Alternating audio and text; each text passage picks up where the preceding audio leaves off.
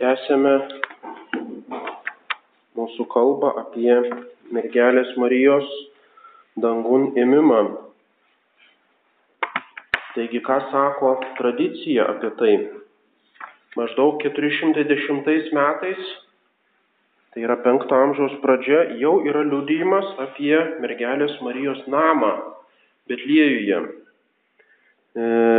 450 e, metais apie jos namą Jeruzalėje, Sijone ir jos kapą Jeruzalėje, tai yra Getsemanija.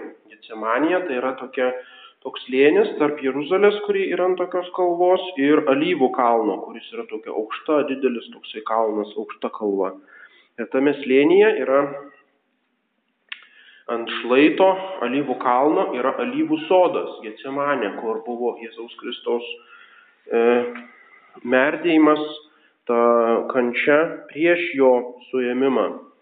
Ir štai šalia tos vietos yra ir dabar, tai yra vienas iš pagrindinių marijinių šventovių Jeruzalėje, būtent yra Marijos užmygimo bazilika, e, tradicinis mergelės Marijos kapas. Taigi ta vieta jau yra nuo 5 amžiaus krikščionis šitą vietą su tuo sieja. Ir galima tikėti, kad šita lokalizacija turi apaštalinę tradiciją. Kapas yra tad tikrai jinai mirė arba užmygo. Tai yra dormicijo arba užmygimas, tačiau tas kapas yra tuščias ir niekas nėra minėjęs e, Marijos kūno relikvijų, yra tik tai Marijos rūbų relikvijos. Įvairios relikvijos žymiausios yra Konstantinopolį, kur buvo Marijos tokia skraistė arba kaip skara. E, ta relikvija buvo pagrindinė tokia gynėja, apsauga Konstantinopolio miesto, tai yra imperijos sostinės nuo e, įvairių priešų polimų, nuo persų, nuo turkų ir e, būtent e, Marijos rūbai. Toliau yra Marijos juostos relikvija, yra šitokios relikvijos išlikę, tačiau niekam į galvą netėjo Marijos kūno relikvijų, taip kaip kitų šventųjų. Ir tai aiškiai rodo šitą, kad ta kapas yra tuščias, ne tik tai tuščias kapas, bet yra visiškai aišku, kad e, iš Marija buvo paimta iš to kapo stebuklingų būdų, ne tik tai numirė. Ir reiškia, jos kūnas ne šiaip buvo pavoktas, o paties Kristaus tam tikrų būdų pagarbintas. Tai yra teologinė išvada iš tuščio kapo fakto ir iš visų Marijos privilegijų. E, taigi, matome, kad tai yra susijęta su tradicija. Toliau maždaug 430 metais yra tokia, toks, tokia knyga Liber de Exequies. Ir vėliau jie remiasi e, tranzitus Marija. Tranzitus latiniškai yra perėjimas. Reiškia įvairios tokie tekstai, kuriuos galima priskirti apokrifų kategorijai. Reiškia, jie pasakoja apie biblinius įvykius, bet jie nėra švento rašto dalis. Tačiau šitą apokrifinę tradiciją būtent remiasi visas krikščioniškas pamaldumas ir krikščionių liturgija. Jeigu kur nors nueisime Uspėnyje e, cerkvę, tai visur matysime tas scenas būtent iš tos tranzitus tų, tų reiškia, tekstų, tos tradicijos. Reiškia, tai yra bažnyčios tradicija visiškai įėmė tą visą pasakojimą. Taigi pasakojama tame siriškame pirmiausiame, seniausiame dokumente, kad Marijos siela buvo Kristaus paimta į dangų, taip kaip visų šventųjų sielos E, reiškia po jo prisikėlimo, tų teisiųjų sielos, kuris buvo išvaduotos iš pragarų, taip ir Marijos siela buvo paimta, o kūnas nesugedęs perkeltas į žemiškąjį rojų. E, tai yra panašu kaip relikvijų tranzitus arba tran, transliacijo. Reiškia, yra daugelis švenčių, kada e, šventojo relikvijos, ne tik tai kada jisai miršta, yra jo šventė, bet ir jo relikvijų perkelimas į naujai pastatytą iškilmingą kažkokią šventovę ar baziliką, reiškia po altoriumi. Panašiai Švento Kazimiero yra dvi šventės. Yra Šventas Kazimieras, kada jis mirė, ir yra Švento Kazimiero relikvijų perkelimas. Tai yra Vilniaus miesto ypatinga šventė. Ir panašiai buvo su daugeliu šventųjų ir kankinių, yra visą laiką dvigubos tos šventės.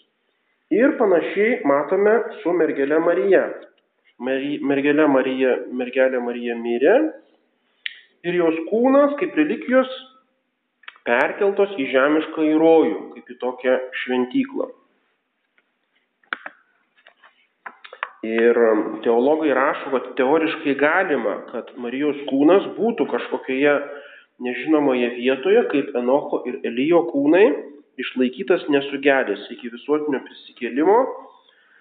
E, tačiau pilnas triumfas, aktyvus dalyvavimas atpirkimo darbe įmanomas tik jeigu e, tasai kūnas buvo prikeltas, jeigu jis yra šalia Jėzaus Kristaus danguje tarkim enokui ir elijui dalyvauti tame atpirkimo darbe visiškai užtenka kad jie būtų dabar kažkokioje paslaptingoje vietoje.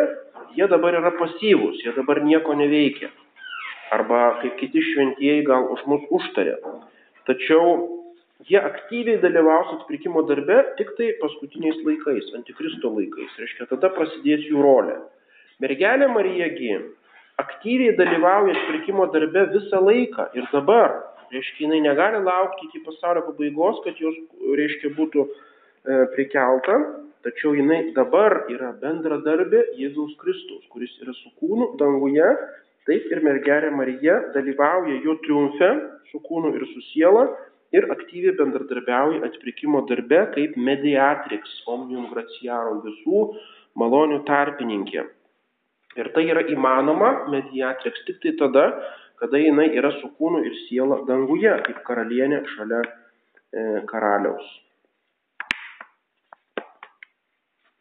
Ir pirmasis tą visą tradiciją tranzitus iš bažnyčios tėvų maždaug 550 metais e, užrašo Grigalius Turėtis, šventasis Grigalius iš Tūro, Prancūzijoje, kuris rašo, kad mergelės Marijos siela ir kūne, kūnas danguje yra sujungti, tai reiškia Marija prikelta danguje tarp šventųjų. Visi kiti šventieji danguje dabar, jie yra be kūnų, yra jų, tik tai jų sielos. O mergelė Marija yra ir su kūnu, ir su siela danguje. Tai reiškia, Grigaliui turėčiau jau šeštame amžiuje tas visiškai aišku yra. E, paskui 590 metais imperatorius Mauricijus įveda šitą e, dangun ėmimo šventę rytuose. Tai yra liturginės tradicijos pradžia, nors kiti abejoja, kad kaip čia dabar, kad imperatorius įveda šventę, kiti abejoja šitą tradiciją. Ir maždaug 610 metais jau šitas tranzitus, visa ta tradicija jau visiškai galutinis yra tradicijos išdėstymas. Marija prikelta dar žemėje ir su kūnu ir siela paimta į dangų. Tai nėra taip, kaip tas siriškas pirminis variantas, kad jos kūnas nesugedęs perkeltas į žemišką rojų ir dar kažko tai laukia.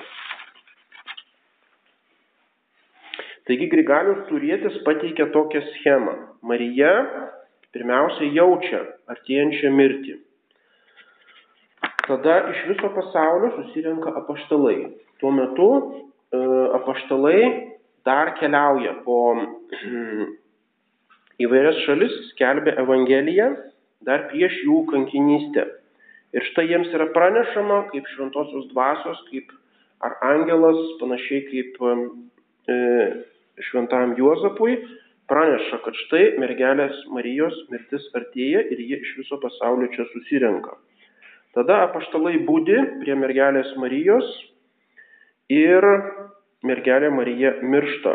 Jos kūnas nešamas neštuvais ir tuos neštuvus bando nuversti toksai Jefonijas žydas ir už tai jis yra nubaudžiamas ir Švento Petro pagydomas. Reiškia, yra jau ta nuo pat pradžios sena tradicija, kad žydai reiškia bandė sutrukdyti tą mergelės Marijos laidotuvės. Reiškia, jie toliau kišosi į visą tą išganimo darbą ir už tai yra nubaudžiamas. Tada mergelė Marija palaidojama Getsemanėje, būtent toje vietoje, kur yra Marijos kapas. Tada ateina viešpats Jėzus sūnus ir paima jo sielą su kūno į žemišką įrojų, Grigalius turėtis dar rašo, ne į dangų. Ir tada įvyksta prisikėlimas rojuje, e, reiškia jinai patenka į dangų. Čia tokia labai komplikuota, matyt, Grigalius bando suderinti tas visas tradicijas, kad viskas susiharmonizuotų. Tada apaštalai atidaro kapą ir randa jį tuščią ir tame kape randa gėlių arba žolių. Ir būtent todėl ta šventė vadinasi žolinės. Tada prie jos kapo įvyksta įvairūs stebuklai. Taip pat aprašoma tokia apokaliptinė Marijos kelionė į dangų, kaip jinai kaip karalienė užtarė žmonės ir taip toliau. Taigi ta tradicija detalizuojama arba aiškiau išdėstoma. Toliau kitas graikiškas dokumentas Transitus R kitaip pasakoja. E, pirmiausia, Marija gyvena Jeruzalėje. Kur gyvena tiksliai neaišku. Yra įvairios tradicijos, kur buvo Marijos rezidencija arba namai Jeruzalėje. Viešpats Jėzus apsireiškia Marijai ir praneša, kai išeisiu iš kūno, aš ateisiu prie kūno ketvirtą dieną ir išvesiu tave ir pernešiu tave į rojų. Ir toje tradicijoje visiškai neaišku, kur kalbama apie kūną, o kur apie sielą. Tada Jėzus paima Marijos sielą, kūnas yra palaidojamas Getsemanija ir Marijos siela ir kūnas Mykolo Arkangelo viešpatės Jėzaus liepimu pernešami į žemišką įrojų, siela vėl sujungiama su kūnu, e, kuris yra paguldytas tame rojuje prie gyvybės medžio E, bet toliau trūksta pabaigos, reiškia Marijos prisikėlimo ir paėmimo į dangų. Dangus yra ne, neminimas arba aktyvumas danguje. Reiškia vėl bandoma dar kol kas, kad Marija nėra tokia aktyvi. Jis tik tai pasyviai, reiškia kaip Enochas ir Elijas, laukia tame žemiškame rojuje. Toliau yra Jono teologo tranzitus. Jo vėlesnis Jonas teologas yra vienas iš tų pirmųjų graikiškų bažnyčios tėvų, e, žymus bažnyčios tėvas. Taigi kūnas pernešamas į rojų, o siela į dangų. Marija su apaštalais savo namuose Betliejuje, tada apaštalai perneša į jos namu, ją perneša į jos namus Jeruzalėje, kur jinai miršta. Reiškia, jau susijęjamos dvi tradicijos, kad yra Marijos namai Betliejuje ir Marijos namai Jeruzalėje. Reiškia, Marija jau savo gyvenimo pabaigos laukia Betliejuje, tada susirenka paštalai ir ją perneša dar sergančią, reiškia, prieš jos mirtį į jos namus Jeruzalėje, kur jinai numiršta. Tada Jėzus paima jos sielą, bet nerašo, kur ta siela, tikriausiai nunešė ją į dangų. Tada apaštalai neša Marijos kūną Ir vėl aprašomas tas epizodas su žydų Jefoniju, kuris bando trukdyti tam toms laidotuvėms. Marijos kūnas palaidotas Getsemanija, tada pasigirsta angelų giesmė ir jos nutilimas, tos giesmės nutilimas yra ženklas, kad nuneš, e, kūnas nuneštas į rojų ar į dangų. Reiškia, angelai ją perneša ir tas jų gesmė, reiškia, jau skamba toje vietoje, nebegirdi jos apaštalai. Taigi vėl mergelė Marija yra lyg tai pasyvi, e, reiškia, nėra jos pabrėžiamas, kad kam jinai paimta į dangų, kad aktyviai dalyvautų tame, e, tame išganimo darbe. Vėlgi Marija primena tą relikvijų pernešimą į tokią šventovę, į žemišką į rojų. Toliau yra Juozapo iš Arimatėjos tranzitus. Vėl kitas dokumentas jau yra lotyniškas, e, kuris rašo, kad Marijos namai yra Jeruzalėje ant Sijono kalno. Marijos kapas Jozapato slėnyje prie Jeruzalės. Taigi vėl viskas susiderina, kad yra Jozapato slėnyje prie Getsemanės yra jos kapas. Marijai mirus, jos sielą Jėzus taip pat nunešė į dangų kūno palaidojimas Getsemanėje, angelai kūną nuneša į dangų. Ir čia yra tokia detalė, kad apaštalas Tomas mato jos nešamą kūną ir nuo jo nukrenta juosta. Tai yra Marijos juostos relikvija Sakra Čintola saugoma Prato Toskanoje katedroje Italijoje yra viena iš pagrindinių Marijos relikvijų, būtent Marijos juosta. Ir štai tas latiniškas tekstas jau žino, aha, reiškia Italijoje yra Marijos juostos relikvija ir šitą tradiciją jau susiję su Marijos užgim, užmi, užmygimu, reiškia ir susiję su apaštalu Tomu, Tomas būtent tą relikviją pagavo ir ją būtent perdavė bažnyčiai. Ir galiausiai prieiname prie 7 amžiaus e, pačios populiariausios latiniškos tradicijos, tai Melitono sardiečio tranzitus, kurie jau remiasi visi, visa, tarkim, legenda Aurėje, kur yra pagrindinis viduramžių tekstas, arba kiti dvasiniai rašytojai jau remiasi būtent šito galutinių produktų, tai yra jau 7 amžiaus tradicija. Neaišku, kodėl jisai priskiriamas Melitonui Sardiečiui, kuris gyveno antrame amžiuje, nors tas tekstas aiškiai yra iš 7 amžiaus. Taigi, pagal tą tekstą mergelė Marija gyveno Jeruzalėje prie Alyvų kalno. Ne ant Sijono, bet prie Alyvų kalno gyveno. Mergelė Marija miršta, apaštalai mato jos iš kūno išėjusią sielą, kurią viešpats Jėzus perdoda arkangelui Mykulai ir jie nuneša į rojų.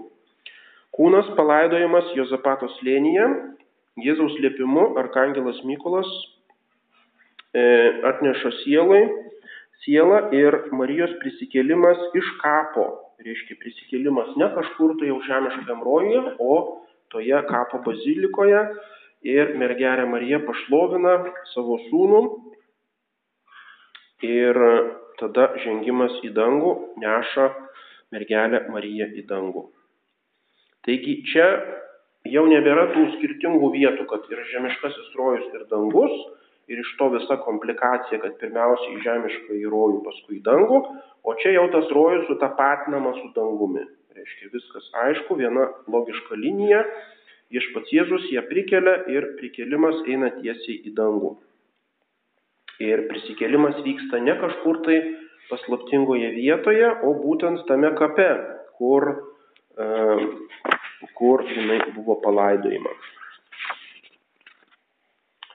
Taigi matome, kad ta tradicija nėra visiškai nusistovėjusi. Ir todėl tų visų tekstų mes negalime skaityti kaip priedo prie Naujojo Testamento, kurie turėtų kažkokį šventą autoritetą ir reiškia pažodžiui viską taip ir suprastume, kaip ten parašyta. Nes matome, kad jie detalėse vienas kitam prieštarauja, nes tiksliai nežinome tos, tos tikrosios originaliosios tradicijos.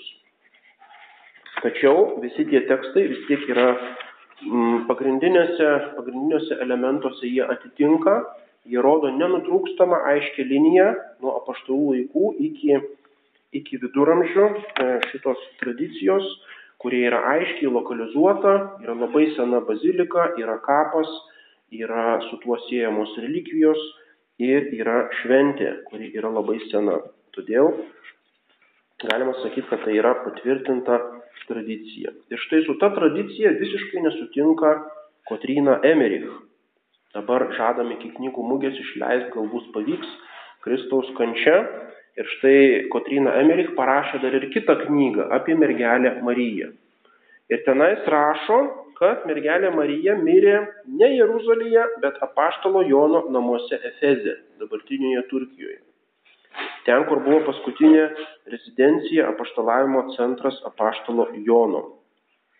Ir štai Efeze iš tikrųjų rastos tam tikros namo liekanos.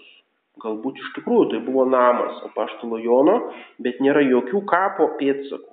Ir tai yra didelis, didelis supainiojimas, bet Kotrina Emerich buvo nepaprastai populiari XIX amžiuje ir todėl įnešė tą nesutarimą. Ir atsirado vieni ginčijosi, kad bandė įrodinėti, kad Kotrina Emerich yra teisė, o kiti gina, gina, gina tą senąją tradiciją. Taigi seniausias liudijimas apie Efezą yra Epifanijus iš Salamis, kuris ketvirtame amžiuje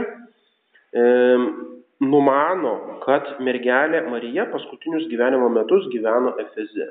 Kodėl? Todėl, kad apaštalas Jonas gyveno Efeze, o viešpats Jėzus pavedė mergelę Mariją Jono globai, nu tai logiška, kad ir mergelė Marija savo gyvenimo pabaigą turėjo praleisti Efeze. Ir tai yra tik tai jo tokia spekulacija ir jinai visiškai nesisėja su būtent ta pagrindinė tradicija. Ir todėl tai, ką rašo Kotrina Emerich, tikrai yra žymiai mažiau tikėtina negu pagrindinė tradicija. Čia galbūt atrodo tokios smulkios detalės, bet jos rodo visos, kaip tie dalykai buvo svarbus bažnyčiai. Ir jie rodo milžinišką įtaką būtent ikonografijai, tapimui, paveikslams, e, įvairiems šventųjų gyvenimams, krikščioniškai literatūrai. Tai yra toks kaip didžiulis klodas bažnytinio pamaldumo gyvenimo ir visos tos detalės žmonės labai domino ir jie iš tikrųjų jas vertino net gandus, galima sakyti, ką galime žinoti apie tuos švenčiausius asmenis. Tai nebuvo taip, kad, ai, man užtenka švento rašto, pagrindiniai dalykai, kad buvo toks Jėzus Kristus, o ten kaip ten tiksliai, ai, nu tai čia tokias detalės. Ne, visiškai kitaip krikščionis galvojo, jos domino visą tai, net jeigu tai nėra tikra, net jeigu tai yra tik tai tokia tradicija, bet vis tiek jinai kažkoks yra šešėlis to santykio ryšio su tais švenčiausiais asmenimis.